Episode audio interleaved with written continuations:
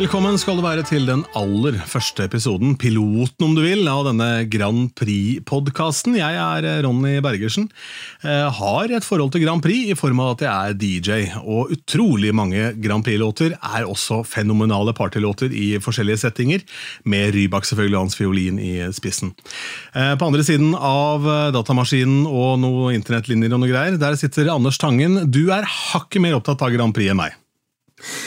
Det, det, vil jeg tro. Jeg er vel hakket mer opptatt av Grand Prix enn de aller fleste. Deg inklusive. Så det, er, eh, det lever jeg veldig godt med. Eh, det har vært sånn i mange, mange år. og eh, det var jo lenge eh, liksom litt sånn skamfullt dette å innrømme at du likte Grand Prix. Eh, du trodde liksom at det var noen varselklokker som ringte rundt deg eh, i de sosiale kretser i forhold til at du likte Grand Prix, så du holdt litt munnen om det. Og så var det egentlig kjæresten min, som er eh, mammaen til datteren min, som eh, som liksom oppmuntra meg til liksom, hvorfor skal du drive og gjemme bort dette. Det er kjempegøy. Bare gå ut med det. Og så ble jeg skribent da i Esk Norge og lagde meg blogg og, og holdt på. Så det er, det er, jo så gøy. Det er ingen andre programmer som har en sånn fanmiljø rundt seg. Det finnes jo ikke en dagsrevyklubb eller en idolklubb. Men Grand Prix har altså en verdensomfattende klubb, f.eks. Det er helt fantastisk. Ja, og appåtil så er det jo også i forhold til hvor på en måte europeisk det er, så er det også utrolig populært i USA. Det er populært i Asia, det er populært i Australia. Altså det, det, det, spenner om seg på en måte som Det er et fenomen jeg rett og slett bare må la meg fascinere av. Eh, og Derav denne podkasten, for jeg ønsker å bli litt mer belyst. Eh, og eh, appåtil så håper jeg på et eller annet merkelig vis at det kanskje blir litt sånn hekta, jeg òg. Det er målet mitt. Det er derfor jeg sier ja til å være med i en sånn podkast og lage dette sammen med deg. og Det er å få deg ordentlig inn i familien. For jeg føler du er der litt. Du står liksom ute, ute i gangen her eh, med frakken din. Så jeg tenker at eh, her er peisen eh, i gang. Her er det bare å komme inn i varmen. Ja, jeg har eh, en god del. Jeg begynte å tenke på det, så har jeg faktisk utrolig mange anekdoter som da hører hjemme i en eller annen Grand Prix eller Eurovision-variant der. Så eh, dette kommer vi tilbake til. Eh, kjapt om meg, da. Jeg er radiomann og har jobba i radio i mange mange år. Vært i Radio 1 og Radio Metro, blant annet. Og så er jeg vel primært eh, event- og bryllups-DJ. Jeg gjør utrolig mye sånne firmafester hvor eh, folk drikker på firmaets regning og skal eh, frese opp et dansegulv etterpå, og så er det folk fra 20 til 70 år. Og på de festene så skjønner jo alle som hører på dette, at der kommer det godt med å kunne sin Grand Prix-historie også, selvfølgelig. Og dette kommer vi da litt, litt tilbake til, men hvordan begynte dette for deg? Altså, Hvordan kom på en måte denne basillen og beit deg, Anders? Altså, Eh, det høres ut som noen historie du finner på, eh, men jeg er født inn i det, virkelig. Eh, jeg er født 29.3.1967, og 8. april kom jeg hjem fra Gjøvik sykehus. Og vi var den første i grenda vi, Hunndalen utafor Gjøvik, som hadde TV. Så da samla jo alle folk seg der for å se Helgenen, eller når det var Kvitt eller dobbelt, eller når det var store ting på TV. Og Grand Prix var jo stort. Så jeg kom hjem 8. april 1967, og da var det internasjonal finale. Og ja, Da satt det 16 hundreåringer med dampa og røkte hjemme. ikke sant? Og jeg lå da i Det var vel kanskje ikke sånn så veldig sunt, det, men da lå jeg i en sånn dagseng antakeligvis et eller annet sted i huset da, og fikk med meg lydbildet sikkert da av Grand Prix den kvelden der, eh, og med høy stemning. Og så Det første musikken jeg hørte, var jo Sandy Shaw som vant i 67 med A Puppet On A String. Og siden så har jeg altså hengt med og spist grilla kylling fra samvirkelaget med litt lunken solo til og loff med smør på. ikke sant? Og hatt et forhold. Så begynte jeg å gå på finaler. Eh, så jeg har vel vært på samtlige norske finaler siden 1984, og vært på tre internasjonale finaler også. Så jeg har, jeg har liksom bare aldri vokst det fra meg, kanskje. Spennende. spennende. Enn en, en du, altså bryllups-DJ, eh, er det Har du Når du tar med deg Grand Prix i det, er det har du litt ironisk distanse til det, eller er det fordi det er musikk som funker? Du, Det er jo et uh, veldig godt spørsmål. Jeg tror nok mange har en ironisk distanse. At de på en måte eh, tenkt scenario at du er veldig god på å scratche, og sånn, så kan du slenge inn Grand Prix-ting som krydder i et hiphop-sett, eller hva enn det måtte være. Eh, det er ikke sånn det fungerer for meg. For for meg så handler det om at du må trykke play på de låtene som folk da vil høre, og som de synger med. og, og som, eh, det vi hele tiden jakter etter, vi som eh, driver med dette på profesjonelt nivå, vi jakter etter os, at du får en ny Å, oh, yes, det er den låta! Ikke sant? Jo, ikke sant? Uh, og det er veldig få ting som på en måte kan fremkalle det uh, for den rette målgruppen kjappere enn fiolin til Rybak. Uh, for det er jo Er det én ting Grand Prix-låtene er gode på, så er det jo hooks. For de må være tre ja. minutter lange. ikke sant? og jeg har i Jeg vil si at en av de aller viktigste verktøyene i min verktøykasse er Loreen med Euphoria. ja. Jeg, jeg, skulle gjerne hatt litt mer av den verktøykassa di i 1996, da Norge arrangerte Grand Prix-finalen i, i, Oslo. Eh, for da jobba jeg i NRK eh, og ble spurt om å Eh, være med på et arrangement som skulle være på en kveld, og jeg bare sjekka at jeg kunne den dagen. Det kunne jeg jo, eh, om jeg kunne spille noen plater. Så viste det seg når det nærmet seg at dette var jo på finaledagen, og det var oppe i speilsalen på Oslo Plaza. Eh, det oppdaga jeg veldig for seint. Så mitt bilde av det å være DJ var jo at noen hadde platene for deg. Du skulle egentlig bare sette dem i gang. Bare trykke på play i en rekkefølge. Så jeg møtte opp der uten noen plater, hadde ingenting med meg, og det helt panikk, for der sto det bare full rigg uten at jeg hadde noe musikk med meg. Så da ringte jeg Arild Rio Eriksen, som da var plateansvarlig i NRK. Så han uh, kjørte opp, låste seg inn midt på kvelden, sånn eh, ellevetida når finalen begynte å nærme seg slutten, og kom ned til meg med en bunke med plater. Uh, og satte bare i gang dansbare låter, som jeg sikkert du gjør også. så jeg fyrte i gang. Det var ikke så mye Grand Prix-musikk, faktisk, men jeg fyrte av gårde da Tom Jones' 'It's Not Unusual', og så fylte jeg på med ABBA med eh, 'Take a Chance On Me', husker jeg, og så gikk jeg over til Gina G, som var med det året. ja, stemmer. Ja. Og, og, da, og, da, var jo dansegulvet fullt. ja, men det skal, jo, det skal, jo, ikke mer til, egentlig. Altså, men så handler det om at du må rotere det gulvet på tidspunktet. Ja, men det er jo en helt annen podkast, egentlig. Men det det. ikke sant? igjen, nå er vi her. Jeg har spilt i den speilsalen én gang uh, i livet. Ja. Det var nachspielet til We Love the 80s, offisielle afterparty, hvor jeg spilte sammen med Pat Sharp. Oi, okay. eh, og hvem var en av headlinerne på We Love the 80s? Mattis Hetta, selvfølgelig. Ah. Eh, ja, ja, så han, eller Om han var headliner, vet jeg ikke, men han var i hvert fall til stede. Og for de som ikke vet hvem Mattis Hetta var, altså det er jo kanskje den beste icebreakeren uansett hvor du er i verden. Eh, og litt avhengig av hvilken promille du har, men det er Mattis Hetta, ikke sant? Og Sami Adnan, 1980, eh, fikk vel fire poeng, tror jeg. Nest sisteplass. Eh, det spiller ingen rolle. det er liksom det er en klassiker. Og det er så deilig med Grand Prix at det er ikke avhengig nødvendigvis av resultatet. Det er de som blir klassikere som vi husker. Genghis Genghis Khan vant jo heller ikke. Eh, og eh, Euphoria vant riktignok, men eh, det er mange låter som ikke Congratulations med Cliff Richard for å gå til gamle dager. Ikke sant, absolutt. Og så har du jo disse, alle disse fenomenlåtene som dukker opp. og Det er det som er spennende her. For eh, på tapetet i dag, da, vi skal ikke sitte her og kakle i Nei. evigheter, vi skal etablere litt, og det har vi gjort allerede. Eh, det er lett å si, vi skal ikke kakle i evigheter, så har brukt et kvarter på å fortelle hvem vi er. Ja, ja. Men eh, jeg har fått da noen notater av deg, Anders. Og eh, her må jeg bare spørre, hva er det som foregår? Litt smal juletradisjon med juletrepynting og albansk finale på radioen. Kjør, vær så ja, god. Kjør, vær så god. Nei, eh, normalt sett så er Albania et av de første eh, landene som har sine nasjonale finaler. Eh, og hvis man er eh, litt over gjennomsnittet interessert i Grand Prix, så nøyer vi oss ikke bare med å følge med når det er internasjonal finale og norsk finale. Eh, men vi følger også de nasjonale. Eh, og Kengis Festivales i eh, Albania er altså en svær musikkfestival med stort orkester. De pynter seg, det er tversoversløyfer, det er noen staute publikummere som sitter der. Det er ikke mye sånn boa og plakater og sånn, men det er liksom litt sånn pompøst, og det er liksom storslått fortsatt. Og låtene er ganske mye lenger enn det de er lov til i Eurovision, for der skal det være tre minutter. Men der stiller liksom de beste artistene i Albania opp, og det beste orkesteret. Og det er en, å sette på uh, livestream derfra.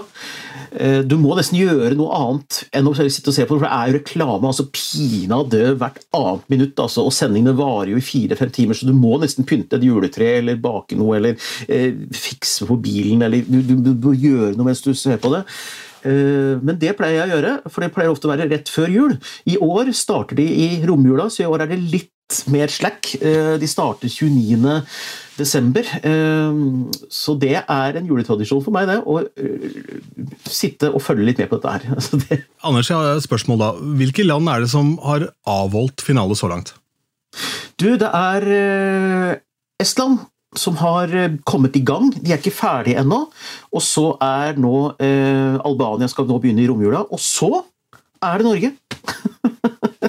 vi, vi, er, en, vi er liksom blitt de siste åra et av de første landene, og det er veldig gøy. fordi da får Norge internasjonal oppmerksomhet på seg. Altså det er eh, disse store bloggene, eh, store nettsidene, sånn som Viviblogs, eh, er en svær nettside.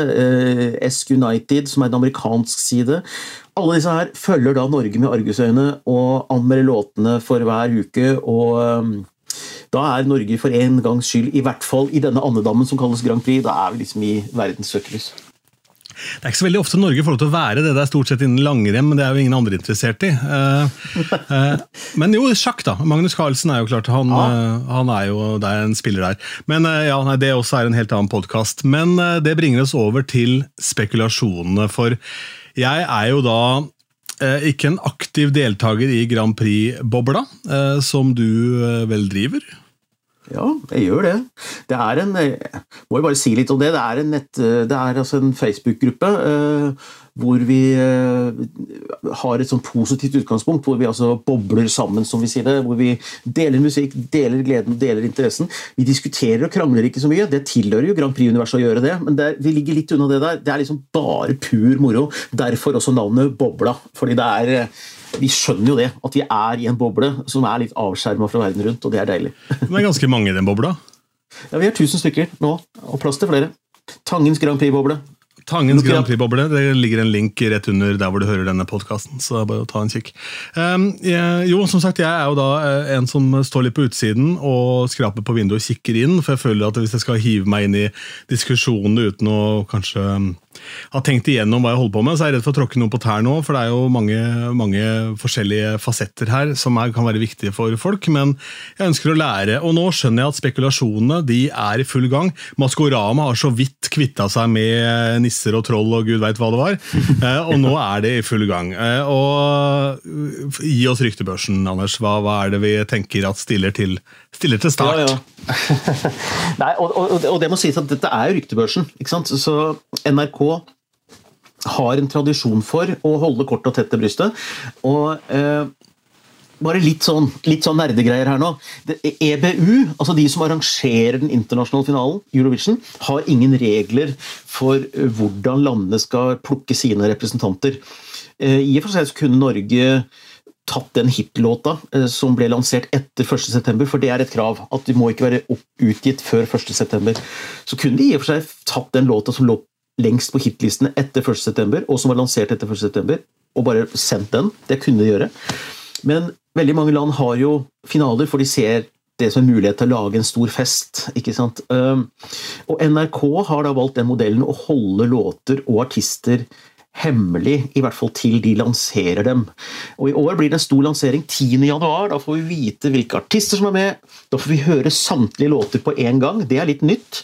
Før har det vært liksom lansert uke for uke til delfinalene. I år får vi alle 21 låtene på én gang. Den 10. Eh. Ja. Og så blir den første delfinalen 15. Eh, januar. Og eh, det Vi i ESK Norge, escnorge.no, har hørt av rykter, mer eller mindre bekrefta. Vi, vi, er litt mer enn ganske sikre på at Northkid er med. Altså med han Bilal, eh, som har hatt en stor hit på radio de siste året med Done Fighting. Eh, de vi er, ganske, vi er altså mer enn ganske sikre på at de er med. Og så er det ei som heter Oda Gondrosen, som mange kanskje husker fra Idol 2020. hun har vært med på mistenkelig mange sånne låtskrivercamper. Og eh, ser ut til å ha tid til å delta, og har hinta litt. Pluss at vi hører det hviskes og tiskes om hennes i krokene. Kanskje ikke et sånt stort navn for veldig mange, veldig, ikke veldig kjent. Jobber stort sett lokalt nede i Fredrikstad, eh, området rundt der, med er, sommershow. Er jo en dyktig vokalist, da, ikke sant? så det er klart der kan man med riktig låt overraske veldig. Ja, og er en formidler av rang, og det var det som eh, en av de det var vel en låt som het 'Fader', tror jeg, hun gjorde i Idol. Eh, som er skrevet av Ina Brolsen, hvor liksom mm. alle bare reiste seg og Ja, 'My Father's Eyes' er det vel den heter. Den, ja. Um, det er jo ja, Ask Embla, det prosjektet hun hadde før hun gikk solo. på en måte. Eh, det var, var, vel noe av det første vi hørte fra Ina, det er sånn av låter hun skrev for seg selv, og ikke for andre. Nei, og det er jo en fantastisk låt. og eh, En, en våt drøm. Det er en, dette er bare en drøm, det er ikke noe rykte om at hun er med, eller noe sånt, men at Ina Wroldsen skulle bidra igjen. Hun bidra jo i eh, Det var vel 2011, eh, var det vel. Hun bidro med en låt som het 'Bombo' med Adelén. Det var en Ina Wroldsen-låt. Ja. Det, det hadde vært veldig gøy. Jeg kan være såpass ærlig å si at det var ikke hennes uh, lyseste øyeblikk, da, den, lå, den låta. det, det, kan vi jo kanskje være enige om, men det var, det var moro. Ja, det, det var en artig, artig variant. Det var det. Ja, absolutt, det ble en hit. Det var det. Uh, og ja, Apropos formidler der også, Adelén gjorde jo en formidabel innsats der, med både dansing og synging og det ene og det andre. I Norge så er det jo en blanding av innsendte bidrag og headhunta bidrag, eh, på en måte. Ja, og det er eh, eh mer eller mindre sånn 50-50. Altså det er eh, eh, låter som blir sendt inn åpent. NRK går ut og sier 'send inn låter', og der kommer det alltid fra en mor som har sendt inn en låt med, i framsetet i bilen, som bare har sunget inn i mobilen mens datteren sitter i bakgrunnen og hyler, til topproduserte, ferdige låter eh, med kjente artister. Så der har du hele spennet. Omtrent halvparten av låtene kommer på den måten. Mm. Ja, spørsmål Har vi eksempler på uh, type sånn helt altså i gåstegn elendige demoer da, som har endt opp med å bli noe? Ja, Godt spørsmål. Det, er jo litt sånn interne prosesser i NRK hvordan sånne låter blir til. Men det sies jo at 'Hold On Be Strong' eh, Nå var vel ikke den sendt inn på den måten, men Mira Craig skrev visst den da hun var 16 år eller noe sånt nå, og så var det jo Maria Haukås som, som sang den til slutt.